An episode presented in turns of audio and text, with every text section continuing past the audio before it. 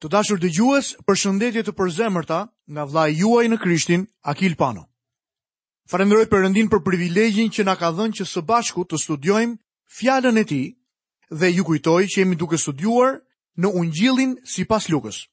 Jemi duke studiuar kapitujt e fundit të këtij ungjilli dhe ndërkohë ju kujtoj që jemi duke iu afruar sakrificës më të madhe që ka ndodhur në planetin Tokë Nuk jam duke folur të dashur miq për Holokaustin, nuk jam duke folur për sakrificat njerëzore, por jam duke folur për sakrificën që Perëndia bëri për njeriun.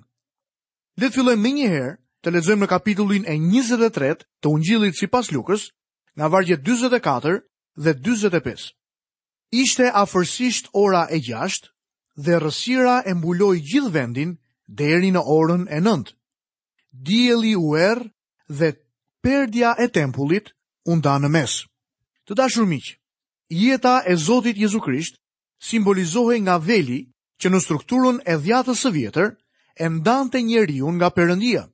Kur Krishti vdiq në kryq, ky vel, i cili ndante vendin shumë të shenjtë me vendin e shenjtë, u ça në dy pjesë, kështu që rruga për tek Ati u hap. Lexoj më poshtë vargun 26. Dhe Jezusi bërtiti me zë të lartë dhe tha, O Atë, në duart e tua po e dorëzoj frymën time. Dhe si tha këto, dha frymë. Kujtoni edhe një herë se ky që është duke folur është ungjilltari Luka dhe ai flet sipas pikëpamjes së një doktori. Ai kishte parë të vdisnin shumë vetë. E dinte se si vdisnin njerëzit. Ai e dinte se si vdiq edhe Zoti ynë. Vdekja e Jezusit në kryq ishte ndryshe. Ka qenë detyra ime e pakëndshme të ndodhesha në prezencën e njerëzve që vdisnin. Kur një person jep frymën e tij të fundit, ndodh ajo që quhet trokitja e vdekjes. Kjo gjë ndodh gjithmonë me beteja dhe përpjekje të mëdha. Padyshim që të dy hajdutët në kryq, njëri në të majtë dhe tjetri në të djathtë, vdiqën në të njëjtën mënyrë, por nuk mund ta them këtë gjë për Zotin tonë. Jezusi e bëri këtë gjë vullnetarisht. Zoti Jezus e dorëzoi shpirtin e tij. A e keni vënë re se çfarë tha Jezusi në kryq? Atë, në duart e tua, dorëzoj frymën time. Jezusi foli me një zë të lartë. Nuk tingëllon aspak si një person të cilit po i merret jeta nga duart. Gjoni shton se fjala e tij përfundimtare ishte një thirrje fitoreje. Unë kam një pyetje. Sa prej nesh jemi në gjendje, t'i dorëzojmë Perëndisë, jo vetëm problemet tona, barrat tona, shqetësimet tona, dhe jo vetëm të gjitha këto, por atë që është më e vështirë për njeriun që t'i dorëzojë Perëndisë, vullnetin e tij. E pra këtë vullnet, Jezusi e dorëzoi në kopësht, në një kopësht të ngjashëm me atë në të cilin Adami gjithashtu dorëzoi vullnetin e tij, por me një ndryshim të madh. Adami dorëzoi vullnetin e tij në duart e Satanit, ndërsa Zoti Jezus në duart e Perëndisë. Në kryq ne shohim që Jezusi dorëzon në duart e Atit shpirtin e tij, substancën e vetë jetës njerëzore. Dhe ashtu sikurse Gjoni shton, Ai thotë që fjala përfundimtare e Jezusit në kryq, tamam përpara vdekjes së tij, ishte fjala përfundoi. Lexojmë poshtë vargun e 47. Atëherë centurioni, kur pa ç'ndodhi, përlëvdoi Perëndinë duke thënë, me të vërtetë, ky njeri ishte i drejtë. Besoj se centurioni u shpëtua. Ai ishte ngarkuar të kryqëzonte Krishtin. Në këmbët e kryqit ai ngriti sytë lart dhe pa se po ndodhte diçka e jashtëzakonshme, kështu lavdëroi Perëndinë. Centurioni e pa që Krishti ishte një njeri i drejtë. Autorët e tjerë të ungjijve shtojnë se Centurioni tha se ai ishte biri i Perëndisë. E kuptoj që rrëfimi i besimit të këtij Centurioni Nuk ishte i mjaftueshëm për t'iu bashkuar kishës, por le ta lëmë aty ku ai është. Ai është tek kryqëzimi. Ai nuk dinte asgjë për vdekjen dhe ringjalljen e Krishtit. Ai kurrë nuk kishte lexuar ndonjë libër apo teologji. Ky djalosh i ri ishte në errësirë dhe nuk mund të thoshte diçka më shumë se kjo për të zbuluar besimin e tij. Lexojmë poshtë vargun 48. Dhe gjithë turma që ishte mbledhur për të parë ç'po ndodhte, kur e pa këtë, u kthye duke rrahur kraharorin. Ekzistonte një lloj atmosfere kërcënuese dhe e frikshme në lidhje me vdekjen e Krishtit. Asnjë nga autorët e ungjijve nuk e përshkruan vdekjen e Krishtit me detaje. Duket sikur shpirti i Perëndisë vendosi një vel, sepse kryqëzimi ishte i tmerrshëm për t'ia ngulur sytë. Nuk ka asgjë këtu që mund të kënaqë kuriozitetin e njerëzve. Njerëzimi u nda nga ajo çfarë ndodhi në kryq. Ashtu si duhet të qëndrojmë në anë të kopshtit të Getsemanesë, kështu duhet të qëndrojmë edhe në anë të asaj çfarë ndodhi në kryq. Ne vetëm mund të ngremë sytë dhe t'i besojmë personit që vdiq aty për ne. Lexojmë vargun 49. Të gjithë të njohurit e tij dhe gratë që e kishin ndjekur që nga Galileja, qëndronin larg, duke i parë këto gjëra. Le të shohim më poshtë Zotin Jezus i cili vendoset në varrin e ri të Jozefit nga Arimatea. Pjesa përfundimtare e këtij kapitulli ka të bëjë me varrosjen dhe ringjalljen e Zotit Jezu Krisht, që i përkasin njëra tjetrës. Apostulli Pal në letrën e parë drejtuar Korintasve, kapitulli 15, vargjet 3 dhe 4, na tregon sepse unë ju kam transmituar para së gjithash, ato që edhe unë vetë i kam marrë, se Krishti vdiq për mëkatet tona sipas shkrimeve, se u varros dhe u ringjall të tretën ditë sipas shkrimeve. Këto janë faktet e ungjillit. Cila është marrëdhënia jote me këto fakte? Jezusi vdiq. Ai u varros. Jezusi u ngrit sërish nga të vdekurit. Çfarë do të thotë kjo për ty? A beson se Jezusi vdiq për ty? A beson se kur u varros mëkatet e tua u varrosën gjithashtu dhe çështja e mëkatit u zgjidh? A beson se u ringjall sërish dhe se ti u ringjalle së bashku me të? Ky besim na vendos në Krishtin. Drejtësia e tij bëhet drejtësia jonë. Pozita e tij bëhet pozita jonë. Kjo pozitë është gjithçka që unë dhe ti kemi sot dhe për këtë mund të krenohemi. Lexojmë poshtë vargun e 50. Tani ishte një burrë me emrin Jozef, që ishte anëtar i Sinedrit, njeri i drejtë dhe i mirë. Jozefi nga Arimatea duhet të ketë qenë person i rëndësishëm. Ai ishte anëtar i Sinedrit dhe me sa duket kishte një ndikim shumë të madh. Gjithsesi, ishte njeri që qëndroi vetëm kur mori një qëndrim ndaj Krishtit. Lexojmë vargun 51. Ai nuk kishte miratuar vendimin dhe veprimin e të tjerëve.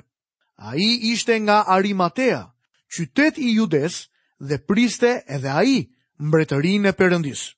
Jozefi edhe pse ishte anëtar i Sinedrit, nuk kishte rënë dakord me veprimin për kryqëzimin e Jezusit, gjë që na tregon se Sinedri nuk veproi në mënyrë unanime kur vendosi dekretin për të kryqëzuar Zotin Jezu Krisht. Shohim që Jozefi ishte një njeri fetar, por ndërsa u përball me Krishtin, mori një qëndrim pro tij. Me sa duket në atë kohë, kishte shumë njerëz që besonin tek Jezusi, por nuk e shfaqnin hapur besimin e tyre.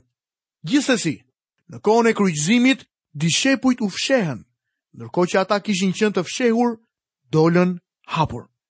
Jozefi dhe Nikodemi ishin dy njerëz me rëndësi që më në fund deklaruan hapur besimin e tyre tek shpëtimtari. Ungjilli i Gjonit na tregon që Nikodemi u bashkua me Jozefin në varrosjen e Zotit Jezus. Ata ishin sipërmarrësit që kishin në ngarkim varrimin e tij. Lexojmë vargun 52. Ai iu paraqit Pilatit dhe i kërkoi trupin e Jezusit. Besimi i Jozefit tani na del hapur. Si një njeri i pasur dhe me rëndësi, ai kërkon trupin e Jezusit. Lexojmë vargun 53.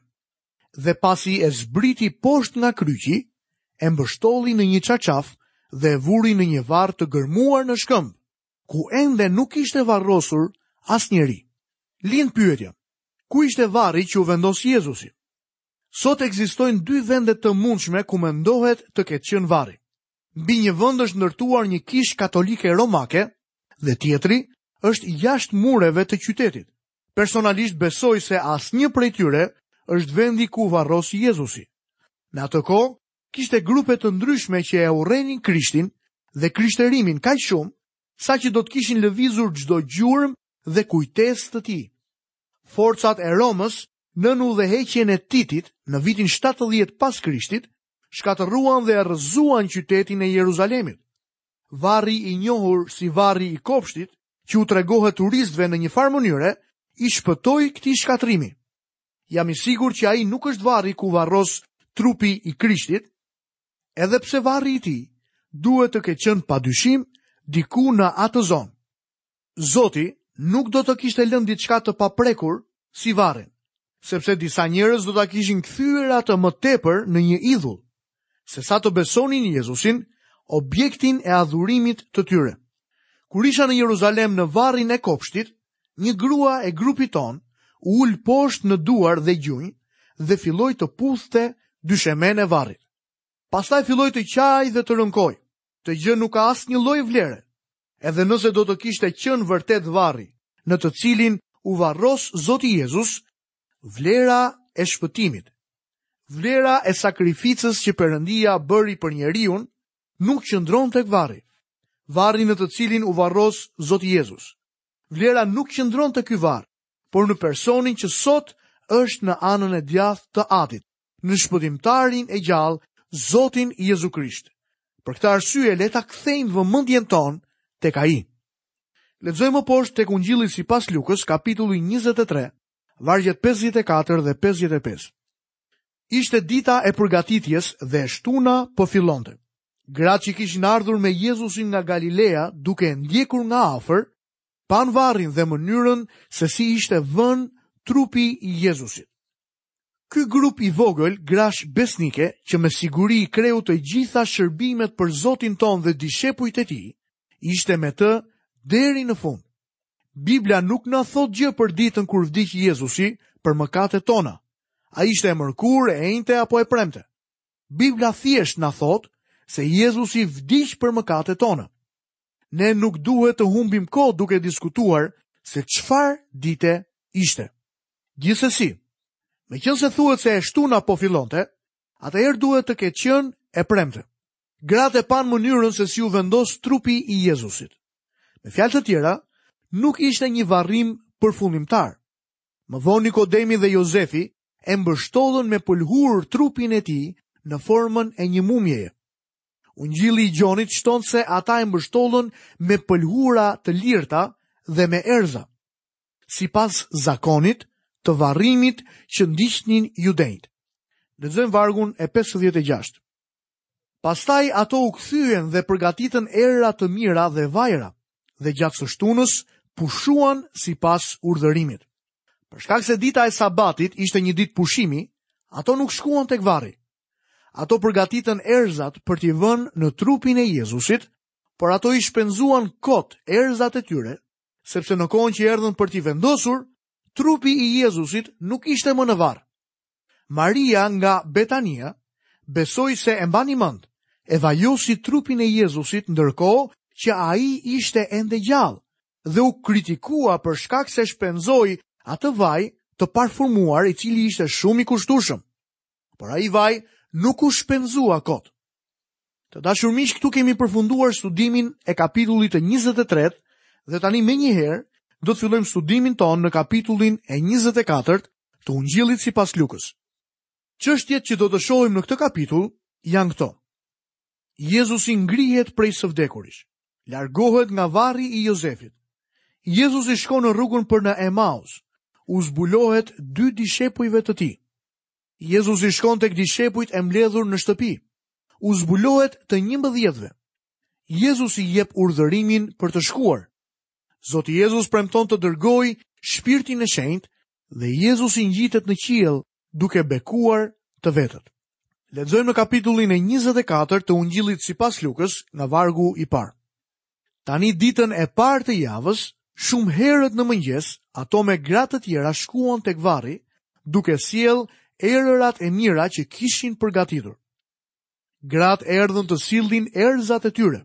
Gjithmonë kam dashur t'i pyes ato gra se çfarë bënë më pas me ato erëza. Maria u qortua kur vajosi Zotin e gjallë. Te Gjoni kapitulli 12 dhe vargu i 5, shikojmë këtë varg.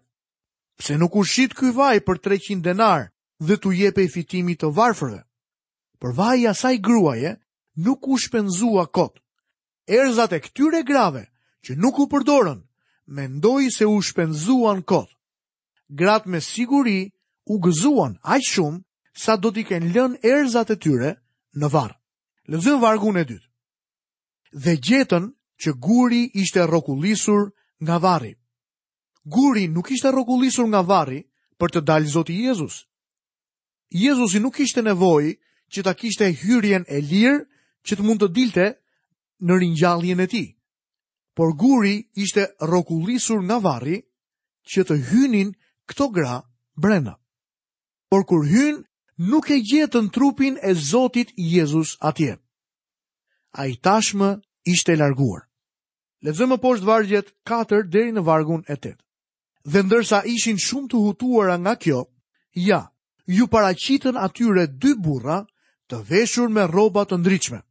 dhe mbasi ato të tmerruara e mbanin fytyrën të përkulur përdhe, ata u thanë, pse e kërkoni të gjallin midis të vdekurve? Ai nuk është këtu, por është ringjallur. Kujtoni se si ju foli, kur ishte ende në Galile, duke thënë se biri i njeriut duhet të dorëzohej në duart të njerëzve mëkatarë, duhej kryqëzuar dhe do të ringjallej ditën e tretë. Dhe ato kujtonin fjalët e tij. Pyetja se pse e kërkoni të gjallin midis të vdekurve ishte një pyetje e mirë.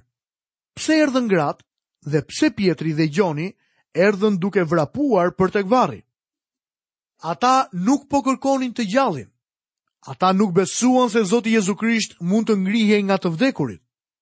Disa njerëz mendojnë se ka një konflikt midis ungjijve në lidhje me mëngjesin e ringjalljes dhe ngjarjes që ndodhi. Një studim i plotë i ungjijve do të na zbulonte që nuk ekziston asnjë lloj kontradikte apo konflikti në fjalën e Perëndisë. Çdo shkruajtës ka prezantuar një aspekt të ndryshëm të ringjalljes. Ungjilltari Luka na tregon për ardhjen e grave në varr dhe zgjatet me këtë çështje. Grave iu kujtuan fjalët e Jezusit, kur ua kujtuan ëngjëjt.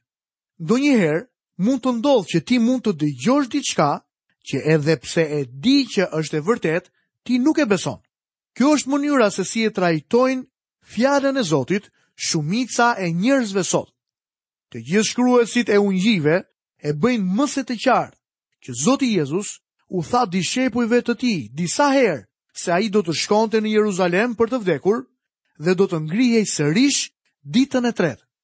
Ata e dëgjuan atë, çfarë tha Jezusi, por në njëfarë mënyre nuk e besuan me të vërtetë. Lexojmë vargun 9 dhe 10. Kur u kthyen nga varri, ato ua treguan të gjitha këto gjëra të njëmbëdhjetëve dhe gjithë të tjerëve. Ato që u treguan apostujve këto gjëra ishin Maria Madalena, Joana, Maria, nëna e Jakobit dhe gratë e tjera që ishin me to. Ndoshta mund të mendoni që apostujve do t'iu bënte shumë përshtypje ajo çfarë u thanë gratë, por vini re reagimin e tyre. Por këto fjalë atyre iu dukën si dokrra dhe ata nuk u besuan atyre. Ndoshta mund të keni menduar se këto gra do të konsideroheshin dëshmitare të besueshme dhe se dëshmia e tyre do të pranohej. Mosbesuesit e parë të ringjalljes ishin vetë apostujt, edhe pse Zoti ynë u kishte folur herë pas here për atë që do të ndodhte në lidhje me vdekjen dhe ringjalljen e tij. Lexojmë vargun e 12. Megjithatë Pjetri u çua, vrapoi për tek varri, u përkul dhe nuk pa tjetër përveç çarçafëve që dergjeshin vetëm. Pastaj u largua i mrekulluar me veten e tij për sa kishte ndodhur. Simon Pjetri duhet të kujtonte në mendjen e tij të gjithë evidencën përpara se të vinte tek vendimi për atë që kishte ndodhur. Nuk mendoj se ai ishte aq vigjilent mendërisht, saç ishte apostulli Gjon. Gjoni na tregon në ungjillin e tij se kur shkoi në varr dhe pa, ai besoi. Gjoni u bind menjëherë për ringjalljen e Zotit, por Simon Pjetrit iu desh të mendohej për pak kohë. I dashur mik, unë nuk e di se si ti je duke konsideruar çështjen e ringjalljes. Si ti je duke konsideruar çështjen e fjalës së Perëndisë së gjallë.